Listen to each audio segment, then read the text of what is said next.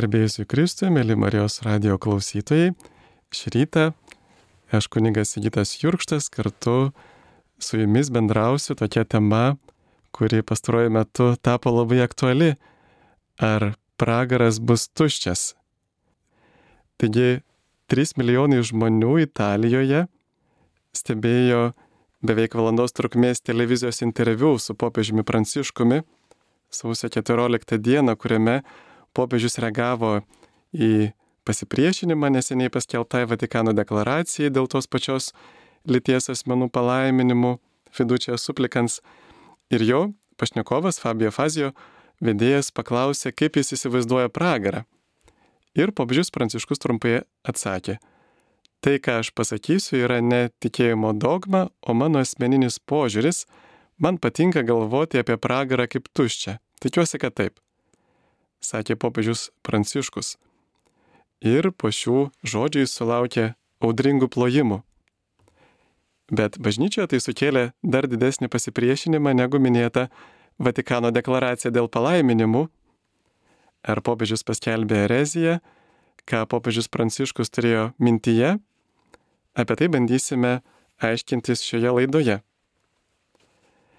E, prisimenu tokią juokingą istoriją kartą klebonas mato, kad viena jo parapijietė ir bažnyčių Dievą garbina, lieka visas apėgas, paskui paslapčia nuėjusi e, prie stulpo velnę garbina. Tai klebonas sako, kaip tu čia gali taip vidminiauti, sako tu. Na, mačiutė atsako, negali žinoti, pas kurį papulsi. Taigi, iš tikrųjų, mes e, viena vertus negalime žinoti, kur papulsime, bet e, turbūt yra galimybė, kad papulsime ten, kur nenorėtume papulti. Ir tai turbūt ir yra mūsų drungnumas, kartu atsiskleidžia va šitos moters e, laikysenoje, kai mes sumaišome karštą ir šaltą, kai melžiamės priimam Dievo meilę ir nesugebam atsižadėti nuodėmės, kurie atvesina arba užgesina Dievo meilę. Taigi drungnumas atsiranda tada, kai mes nesugebėjome atskirti gėrio nuo blogio atsiverti gėriui ir užsiverti blogiui. Na dar kita istorija, kartą klebonas kažko užvalgė ir taip jam suėmė vidurius, kad jau nebegali tęsti mišių, sako Zakristionai, sako, einam greitai persirenk arnotą, pasakyk vietoj manęs pamokslą, žmonės iš tolo nepažins. Bet Zakristionas sako, kad aš nemoku klebonėlį sakyti pamokslų, kaip aš tai padarysiu. Na, klebonas sako, tai kad čia labai paprasta. Dievą girk, velnė peik ir pamokslas bus puikus. Tai va, tai e, šiandien mes ir kalbėsime apie Dievą ir Velnę, apie pragarą.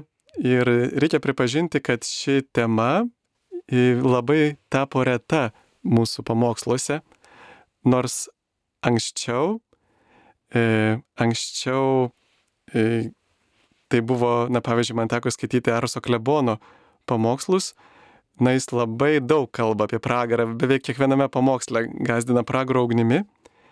Ir taip pat labai dažnai tenka išgirsti tokių priekaištų, kad bažnyčia valdo žmonės, kalbėdama apie pragarą, sukeldama baimę, baugindama, bet e, iš tikrųjų tame nėra logikos, nes, na, kame jinai valdo.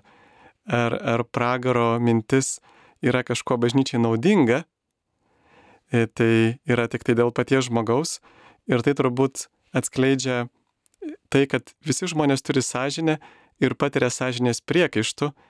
Ir kaip pastaraisiais laikais Freudas bandė juos nuslopinti, e, tuos sąžinės priekaištus, tą kaltę, jo praktiškai buvo ir tikslas atrasti, kaip nuslopinti žmogui kaltę. Ir šio laikinė psichologija kartais bando užuot ieškojusi, kaip reikėtų teisingai gyventi, e, bando ieškoti, kaip reikėtų nuslopinti žmogaus sąžinės priekaištus. Taigi, e, jau trečiame amžiuje Origenas Aleksandrietis, vienas žymiausių įtakingiausių teologų visoje tradicijoje, suformavo tokį mokymą vadinamą apokatastasis - atstatymas, išvertus turbūt būtų. Ir pagal šią doktriną visi nusidėliai ir Iš tikrųjų visi net puolė angelai, skaitant patį šetoną, per Kristaus malonę galiausiai bus išganyti. Galbūt pragaro ugnis yra, galvojo Origenas, kad jie yra, bet jis negali būti amžinas, tas pragaras, nes jei tai būtų, nuodėmė būtų galingesnė už malonę. Čia toks buvo jo argumentas, kad jeigu pragaras būtų amžinas, nuodėmė būtų galingesnė už malonę. E, ir štai šitas požiūris jis vadinamas krikščioniškojų universalizmu, nuo latiniško žodžio universalis, bendras visuotinis. Yra daug kitokių universalizmų, bet mes kalbam būtent apie krikščionišką universalizmą, dar jis vadinamas visuotinio sutaikinimo, visuotinio išgelbėjimo teorija.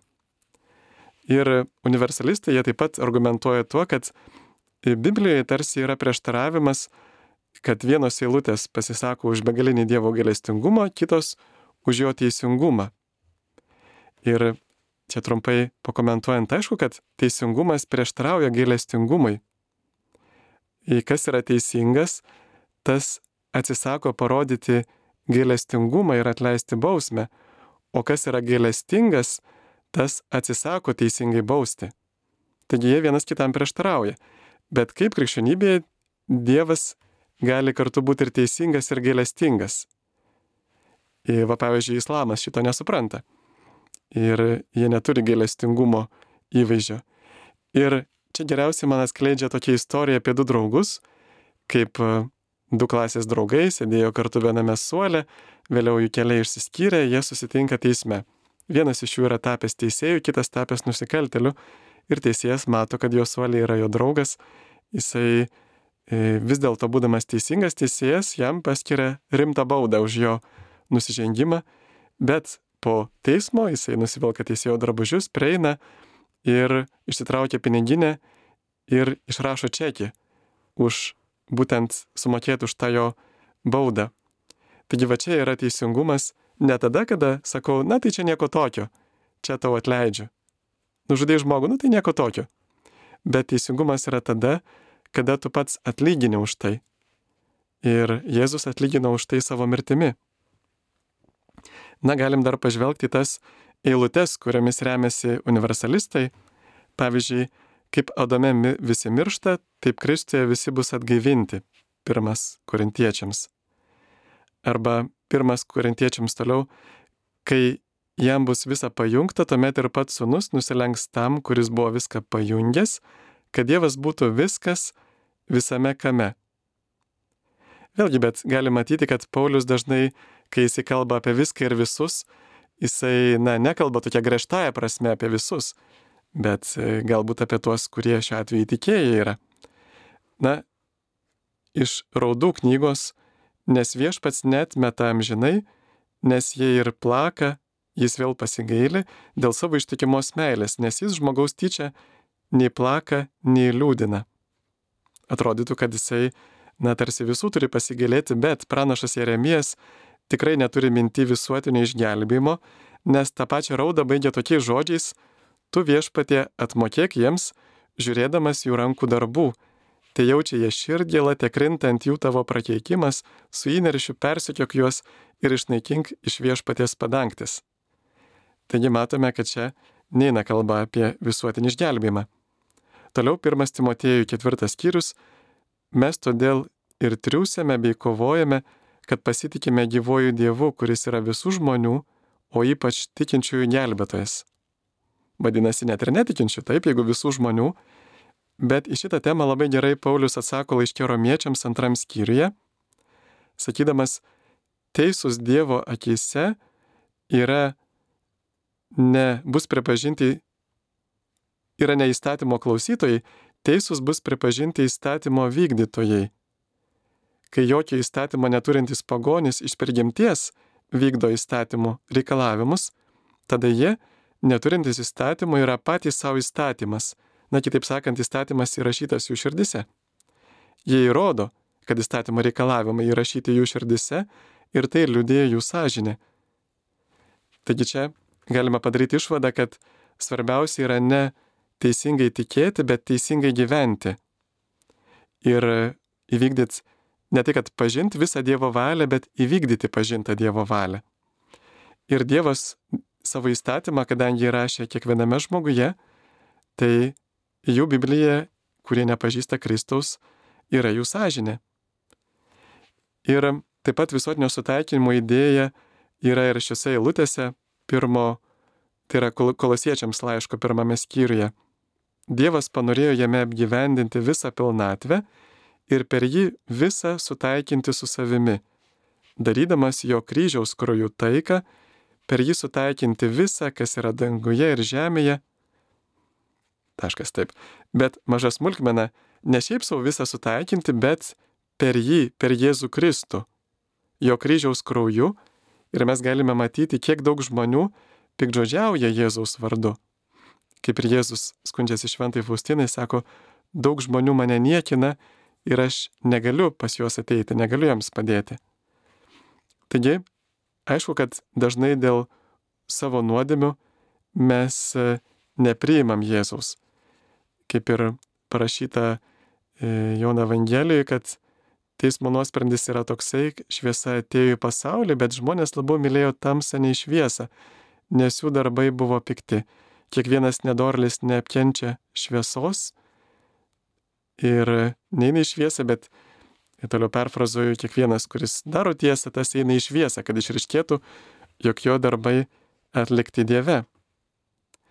Tai čia kaip ir tas avinėlio kraujas, kuris apsaugojo nuo visuotinės bausmės Egipto pirmagimius, kada Dievas per Mozę išvedinėjo savo tautą iš vergyjos, taip ir mes esame išgelbėti būtent tada ir tik tada, tai yra tie siauri vartai, kada mes priimam Kristaus kraują, kada mes tarsi patepame savo sielą, sielos duris Kristaus krauju. Na ir dar kita eilutė, e, gerai primtina Dievo mūsų gelbėtojo akise, kuris trokšta, kad visi žmonės būtų išganyti ir pasiektų tiesos pažinimą. Pirmas Timotiejui, antras skyrius. Vėlgi čia ta mintis, kad jis trokšta, kad visi būtų išganyti. Bet tai nereiškia, kad žmogus atsilieps. Vat juk e, Senajame testamente pakartoto įstatymo knygoje apie tą troškimą rašoma, štai šiandien padėjau prieš tave gyvenimą ir gerovę, mirtį ir pražūtį, jei laikysiesi viešpaties savo Dievo įsakymų, kuriuos šiandien duodu tau, mylėsi viešpati savo Dievą, eisi jo keliais, laikysios jo įsakymų, įstatų ir įsakų, tada klestėsi ir tapsi gausus, o viešpats tavo Dievas tave laimins krašte, kurio eini paveldėti. Tačiau jei tavo širdis nusigręš, neklausys ir bus išvestas iš kelio garbinti svetimų dievų ir jiems tarnauti, šiandien tau pasakau, kad tikrai žūsite, ilgai neišliksite žemėje, kurios pereidami Jordaną einate paveldėti. Šiandien šaukiu dangų ir žemę liudyti prieš tave, padėjau prieš tave gyvenimą ir mirtį, palaiminimus ir prakeikimus. Rinkis gyvenimą, kad tu ir tavo palikonis būtumėte gyvi, mylėdami viešpati savo Dievą, jo balso klausydami ir jam atsiduodami. Čia aiškiai žvelgiame sąlygą e, gyvensi, jeigu mylėsi. Ir vėl kalbant apie palaiminimus, irgi matome, kad Dievas laimina ne visus. Va žmonėms jisai sakė laiminti visus. Taip, žmonėms sakė laiminkit ir savo priešus, bet Dievas laimina būtent tuos, kurie klauso jo balso. Ir kita vertus, aišku, jisai šventoji dvasia veikia kiekvieno žmogaus širdį dar prieš jam įtikint. Dievas tam tikrą prasme na, teikia mums tą palaiminimą, malonę, kad mes priimtume Jėzų Kristų, kaip Jėzus sakė, niekas negali ateiti pas mane, jeigu mano siuntos tėvas jo nepatraukia prie manęs. Ir taigi čia aiškiai žvelgiam sąlygą gyvensi, jeigu mylėsi. Panašiai ir pirmas Jono laiškas sako, mes žinome, jog iš mirties esame persikėlę į gyvenimą, nes mylime brolius. Kas nemyli, tas pasilieka mirties glebyje. Tačiau vien meilės neužtenka, mes turim gauti ir atleidimą, ir dieviškai įsūnijimą. Va, paštulų darbų knygoje rašoma apie jį visi pranašai liudyje, kad kiekvienas, kas jį tiki, gauna jo vardu nuodėmę atleidimą. Ir Jėzus sako, aš esu prisikėlimas ir gyvenimas, kas tiki mane, nors ir numirtų bus gyvas. Kitaip sakant, juo pasitikime ir esame pasiruošę jo klausytis, klausyti, paklusti, jeigu juo pasitikime ir kartu tikėjimu galime priimti jo šventąją dvasę. kaip sako raštas, kas mane tikė iš jo vidaus plus gyvojo vandens srovės. Bet vis dėlto daugiausia apie pragarą Biblijoje kalba pats Jėzus, kuris yra kelias tiesa ir gyvenimas. Ir yra tokia pragaro kaip edukacinės priemonės hipotezė, kad neva pragaro nėra, bet apie tai mums rašoma siekiant mus apsaugoti nuo blogio. Bet tada išeitų, kad Jėzus būtų, na, melagis, jei tiek daug kalbėtų apie realybėje neegzistuojantį dalyką, jeigu gazdintų mus nebūtais dalykais. Įdomu, kad e, egzorcistas pasakoja toje knygoje, Gabrielius Amortas rašo apie tai, kad kaip kunigas egzorcistas Jėzus Kristus vardu, e, jie kartais turi galę taip liepti demonams kalbėti, pasakyti tiesą Jėzaus vardu, jie turi paklusti Jėzaus vardui. Ir jisai paklausė apie pragarą ir tada demonai atsakė, ne Dievas pragarą sukūrė, sako, mes jį sukūrėme. Va, tai keletas Biblijos eilučių apie pragarą. Kas tiki sūnų, turi amžinai gyvenimą, o kas nenori sūnaus tikėti, gyvenimo nematys. Virš jo kybo Dievo rūstybė. Jono trečias skyrius. Jis atmonys tiems, kurie nepripažįsta Dievo ir nepaklūsta mūsų viešpaties Jėzaus Evangelijai. Jiems teks kentėti amžiną pragaištį, atstumtiems nuo viešpaties veido ir nuo jo šlovingos galybės. Ta diena, kada jis ateis, kad pasirodytų garbingas savo šventuosiuose ir nuostabus visuose, kurie įtikėjo antras tesalonikiečiams. Čia aiškiai kalbama ir apie amžiną pražūtį, ir net apie amžiną kentėjimą tiems, kurie nepaklūsta Evangelijai, kadangi turi laisvą valią, gali ir paklusti, ir nepaklusti Dievui, pažintai tiesiai savo sąžiniai. Luko 13 skyrius kažkas jį paklausė viešpatie, ar maža bus išgelbėtojų, išgelbėtų, jis pasakė jiems, pasistengkite įeiti pro ankštus vartus, sakau jums daugelis bandys įeiti, bet neįstengs. Kai namų šeimininkas atsikels ir užakins duris, Stovėdami laukia jūs pradėsite belsti duris ir prašyti, viešpatė, atidaryk mums. O jis atsakys, aš nežinau iš kur jūs. Tada imsite dėstyti, mes valgėme ir gėrėme tavo akivaizdoje, tu mokė mūsų gatvėse. O jis jums tars, aš nežinau iš kur jūs, eikite šalin nuo manęs visi piktadariai. Tai bus verksmo ir dantų grėžimo, kai Dievo karalystėje pamatysite Abromą, Izaoką, Jokūbą, ir visus pranašus, o patys busite išvaryti laukan. Tai rezumuojant, mes matome, kad Biblijoje nėra rimtų universalizmą pagrindžiančių vietų ir nepalyginamai stipriau išreikštas būtent pragaro kaip tokios realios vietos egzistavimas. Na, teologai dar dabar mėgsta naudoti žodį būsena, ne todėl, kad pragaras būtų kažkoks tai nerealus, tik tai kaip jausmas koks nors, bet būsena ta prasme, kad tai nėra fizinė vieta kažkur tai šioje žemėje, kaip anksčiau įsivaizduodavo žmonės, kad ten, pavyzdžiui, 200 km po žemė yra pragaras. Tai va tik tiek. Ir taigi bažnyčia sureagavo, ji aiškiai pasisakė prieš Origeno universalizmą, nes nusuprato, kad jisai nepakankamai gerbė žmogaus ir angelų laisvę. Jei Dievo malonė tiesiog yra nenugalima, tada ir tikroji laisvė atmesti Dievo meilę atrodo pažeista. Taigi, taip, va čia dar klausytojas e, primena Evangelijos eilutę iš Mato 25 skyriaus, tada jis prabils į stovančius kairėje, eikite šalin nuo manęs, prakėtėję amžiną ugnį, kuri paruošta velniui ir jo angelams. Taip, taigi matome, kad Biblija labai aiškiai kalba apie pragaro egzistavimą Ir katalikų bažnyčios katekizmas irgi šitą mokymą pradeda būtent e, tema apie laisvę. Ir Liujisas taip pat e, vienoje knygoje yra rašęs, pragoros klastis yra viduje, visi žmonės turi galimybę ateiti pas Dievą, bet tie, kurie nenori gyventi su Dievu ir verčiau norėtų būti prakeikti, turi turėti ir tokią galimybę Tokia laisvė turi būti įmanoma, jei Dievas irgi gerbė. Arba knygoje didžiosios skirybos jis rašo, danguje žmonės sako Dievui, tiesie tavo valia, o pragare Dievas sako žmogui, tiesie tavo valia. Ir katekizmas 1033 paragrafe rašo, Mes galime susivienyti su Dievu, tik laisvai pasiryžę jį mylėti, bet mes negalime Dievo mylėti, jei sunkiai nusidedame jam, savo artimui ar patys savo. Kas nemyli, tas pasilieka mirties glebyje. Kuris nekenčia savo brolio, tas žmogžudys, o jūs žinote, kad jog žmogžudys neturi amžinojo gyvenimo, jame pasiliekančio. Iš pirmojo nulaiško. Viešpats mus įspėja, kad būsime nuo jo atskirti, jei vengsime pagelbėti sunkiai vargstantiems beturčiams ir mažiausiems jo broliams.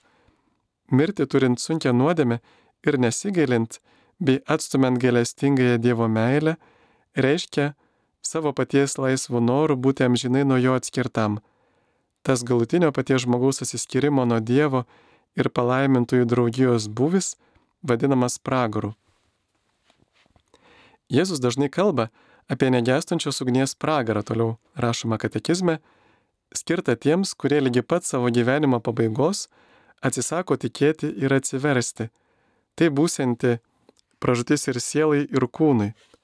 Jėzus rūščiai žodžiais kelbė, kad jis išsiūs savo angelus, tie išrankios visus papiktintojus bei nedorelius ir mes juos įžiūruojančią krosnį. O jis pasmerks, eikite šalin nuo manęs prakeiktieji jam žina ugnį. Iš Mato 25 skyriaus. Toliau 1035 paragrafas. Bažnyčia moko, kad yra pragaras ir kad jis amžinas sielos tų, kurie miršta turėdami sunkia nuodėme, toj po mirties patenka į tamsybės, kur kenčia pragaro kančias, amžina ugni. Skaudžiausia pragaro kančia yra amžinas atskirimas nuo Dievo, nes tik jame viename žmogus gali rasti gyvenimą ir laimę, kuriems buvo sukurtas ir kurių trokšta. Taigi matome, čia nėra nei menkiausios užuomenos interpretuoti, kad pragaras būtų tuščias. Toliau sekantis paragrafas šventojo rašto ištaros ir bažnyčios mokymas apie pragarą įspėja žmogų atsakingai elgti su savo laisvę, atmenant savo amžinąją dalę. Drauge jie įsakmi ragina atsiversti. Įeikite pro ankštus vartus, nes erdvus vartai ir platus kelias į pražūtį ir daug jo einančių. Kokie ankšti vartai ir koks siauras kelias į gyvenimą, tik nedaugelis jie atranda. Mato septintas skyrius.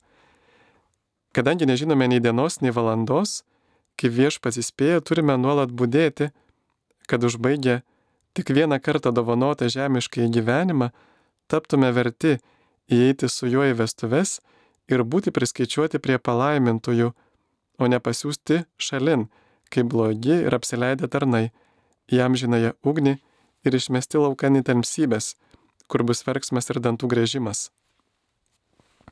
Čia galim prisiminti tą Jėzaus palyginimą apie talentus, kur jisai į pragarą pasiunčia tą žmogų, kuris užkasė jo talentą ir sako blogasis tarne tinginy. Taigi vadinasi, ne veltui mes sakome, nusidėjau mitimi žodžiais darbais ir apsileidimais. Apsileidimas irgi gali nuvesti į pragarą. Toliau e, kitas paragrafas sekantis, ne vienam žmogui nėra Dievo iš anksto paskirta eiti į pragarą Tam reikia valingai nusigręžti nuo Dievo sunkia nuodėme ir su ją likti iki mirties. Eucharistinėje liturgijoje ir kasdienėse savo tikinčiųjų maldose bažnyčia meldžia Dievo gailestingumo, žinodama, kad jis nenori, kad pražūtų kuris, bet kad visi atsiverstų iš antro Petro laiško. Viešpatie maloniai priimk visą mūsų, tavo tarnų ir visos tavo šeimos auką, duok savo ramybę mūsų laikams, išgelbėk mus nuo amžinojo pasmerkimo ir priskirk prie savo išrinktųjų. Na, toliau kitas e, būdas apeiti šitą e, katekizmo mokymą, bažnyčios mokymą buvo tokio žymaus teologo Hanso Urso van Baltazaro mintis, jisai knygoje Ar drįstame tikėtis, kad visi žmonės bus išgelbėti, iškelia tiesiog galimybę tikėtis, viltis, kad pragaras gali būti tuščias dėl to, ką Jėzus įvykdė ant kryžiaus ir jis daro skirtumą tarp visuotinio išganimo kaip vilties ir visuotinio išganimo kaip doktrinos, kurią jisai atmeta. Na, kitaip sakant, taip, jisai pripažįsta, kad mes negalime mokyti, kad pragaras yra tuščias, bet mes galime tikėtis, viltis, kad pragaras yra tuščias, bet e, Štai pavyzdžiui, amerikiečių katalikų evangelistas Ralfas Martinas knygoje Ar daugelis bus išgelbėti, ko iš tikrųjų moko Vatikano antrasis susirinkimas ir jo pasiekmes naujai evangelizacijai, jis teigia, kad apaštalus ir visą krikščioniškųjų misijų istoriją motivavo žinojimas iš dieviškojo prieiškimo, kad žmonių giminė yra pražuvusi, amžinai pražuvusi be Kristaus. Ir nors tam tikromis griežtomis sąlygomis žmonės gali būti išgelbėti be aiškaus tikėjimo ir krikšto, labai dažnai iš tikrųjų taip nėra. Taigi mes to tuščio pragaro galim viltis dviejopai. Galim pavyzdžiui dėti visas pastangas, kad kas nuo mūsų priklauso, kad tas pragaras būtų kuo tuštesnis, arba priešingai galime viltis, kad Dievas jį be mūsų pastangų ištuštins ir tai pakirstų mūsų netgi ryštą skelbti Evangeliją, rizikuoti gyvybę, juk ką man pasiduoti kankinimams, jeigu aš turiu vilti, kad pats Dievas ištuštins pragarą ir visus išgelbės. Biblijos mokslininkas Richardas Bauhamas rašė, kad iki XIX amžiaus teologai visuotinai pripažino amžino pasmerkimo pragare egzistavimą, tačiau paskui ėmė rastis tai švelninančios srovės. Viena srovė yra vadinamas saliginis nemirtingumas, kada siela iš tiesų laikoma mirtinga ir jos prisikėlimas susijęs su tikėjimu į Jėzų Kristų. Tuo tarpu tradicinis katalikų mokymas teigia, kad siela yra Dievo sukurta nemirtinga. E, va štai šitas požiūris e, vienas dėstytojas jį labai dažnai ir įkyriai bandydavo pertikti savo studentams katalikų teologijos fakultete ir aišku irgi susidurdavo su nemenku pasipriešinimu. Kita pažiūra yra anihilacionizmas. Nuo žodžio, na, sunaikinimas, vadinkim taip, tai yra tikėjimas, kad po paskutinio teismo šetonas, demonai ir pasmerktieji bus sunaikinti ir neturės kesti amžinųjų kančių. Šita pažiūra yra toks bandymas apginti Dievą nuo kaltinimo, kad jis amžinai kankins sielas. Bet iš tiesų tai ne Dievas amžinai kankins, bet Dievo meilės ugnis amžinai kankins tuos, kurie yra nuodėmiai. Panašiai kaip Ir dabar, va, piktoji dvasia kartą vienam egzorcistui prasitarė, aš čia kenčiu labiau negu pragare. Taip, nes neapykanta kankina Dievo meilė, Dievo meilės ugnis, o Dievas negali išsižadėti savo prigimties.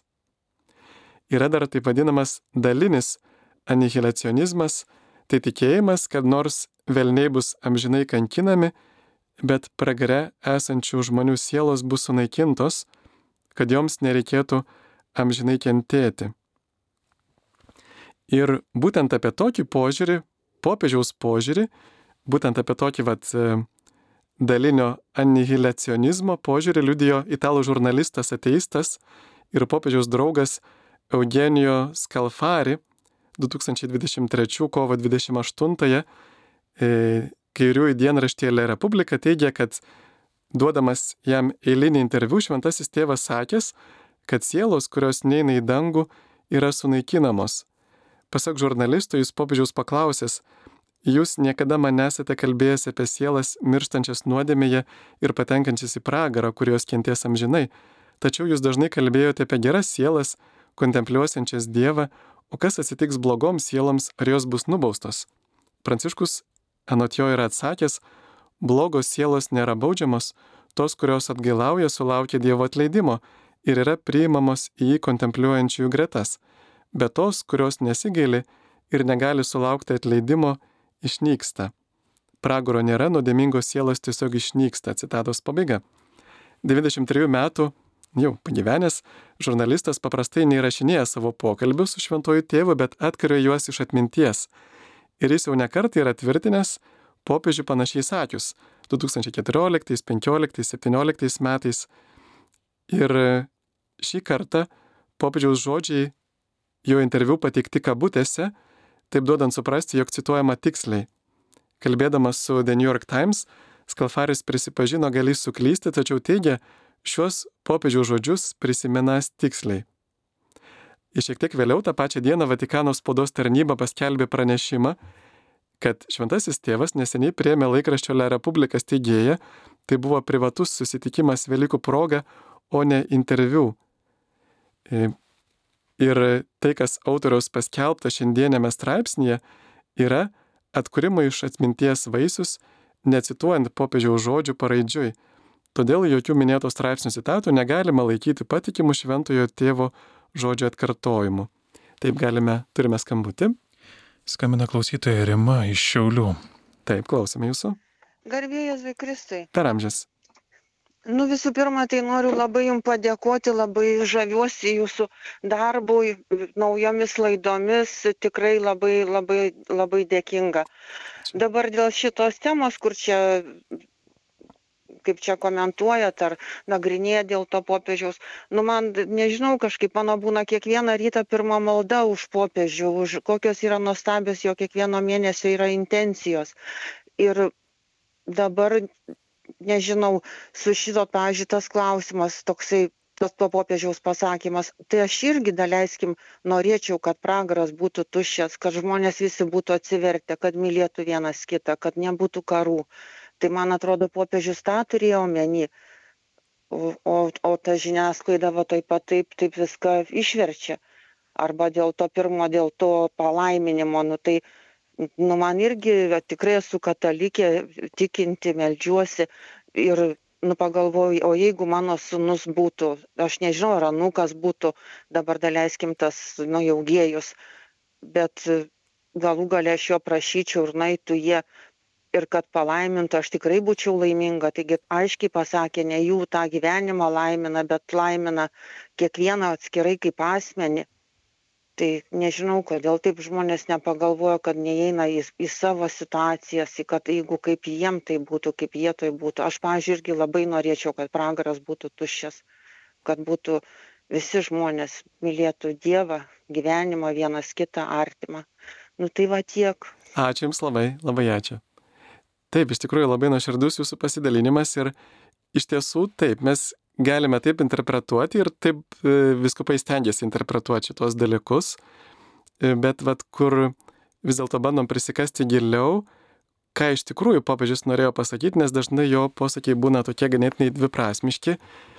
Ir štai šita mintis apie pragarą jau yra, e, na, sakyčiau, tokia perženginti ribas, ta prasme, kad ji yra labai pavojinga. Ir E, va jeigu suspėsime šitoj laidoje, jeigu ne, galbūt pratesime kitoje laidoje, e, kodėl būtent e, šita mintis yra pavojinga, lygiai taip pat kaip ir, na, va, tas dviprasmiškas palaiminimas, ar ne, kad taip iš tiesų Dievas laimina žmonės, kad jie būtų, kad jie turėtų jėgų pakeisti gyvenimą, bet kartu tai gali būti va tas ieškojimas žmonių, kurie jaučia sąžinės priekaištą, ieškojimas netikro E, to sąžinės nutildymo, nuraminimo, ką daro ir, ir psichologai dažnai, kaip minėjau, kad e, bandymas e, pateisinti savo nuodėmę, bandymas sulaukti Dievo palaiminimo, nepasiryžus pasikeisti. Va, tai čia irgi vėl reikėtų skirti priklausomybę ir apsisprendimą. Žmogus gali turėti priklausomybę, pavyzdžiui, nuo homoseksualių santykių, bet jis kiekvieną akimirką gali apsispręsti mesti, na panašiai kaip rūkantis, taip jis gali kiekvieną kartą mesti, kiekvieną kartą iš naujo pradėti rūkyti, bet jis turi valios apsisprendimą, jis yra laisvas apsispręsti. Va štai čia yra labai svarbu, kad būtų toks apsisprendimas. Pažiūrėkime į kitus klausimus. Prašau pakomentuoti mintį, kad į pragarą pateks tik savanoriai. Na, ta prasme, e, tik tie, kurie patys ten eina savo norų. Na, iš tiesų, pavyzdžiui, Šventos Faustinos dienoraštis tą leidžia suprasti. E, kartais bažnyčios tradicinis mokymas toksai gali būti suprastas maždaug taip, kad, na, mes padarėm kokią nors sunkę nuodėmę ir viskas jau einam į pragarą, bet juk mes vis tiek, jeigu padarom sunkę nuodėmę, mes gailimės, taip, stengiamės nuoširdžiai gailėtis, stengiamės eiti iš pažinties ir e, Dievo gailestingumas mano sielai, va štai tame dienoraštyje, e, Jėzus kalba apie tai, aš vėliau čia pacituosiu, galbūt kitoje laidoje, kad e, jis kiekvienai sielai duoda veisit su tą savo malonį ir duoda ir malonę pažinti, kaip jisai yra gailestingas, kaip jisai nori, kad siela būtų išgelbėta.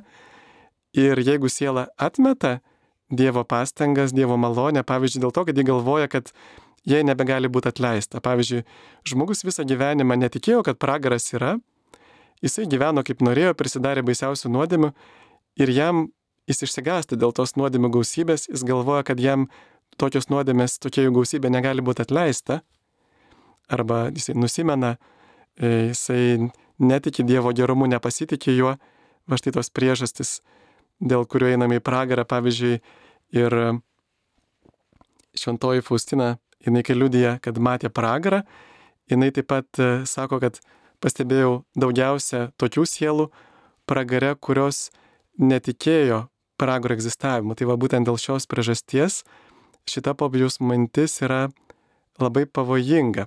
Na tai šiandien laidą jau turime baigti ir jūsų klausimus užsirašysiu ir mes galėsime turbūt pratesti rytojaus katecheziją šitą temą.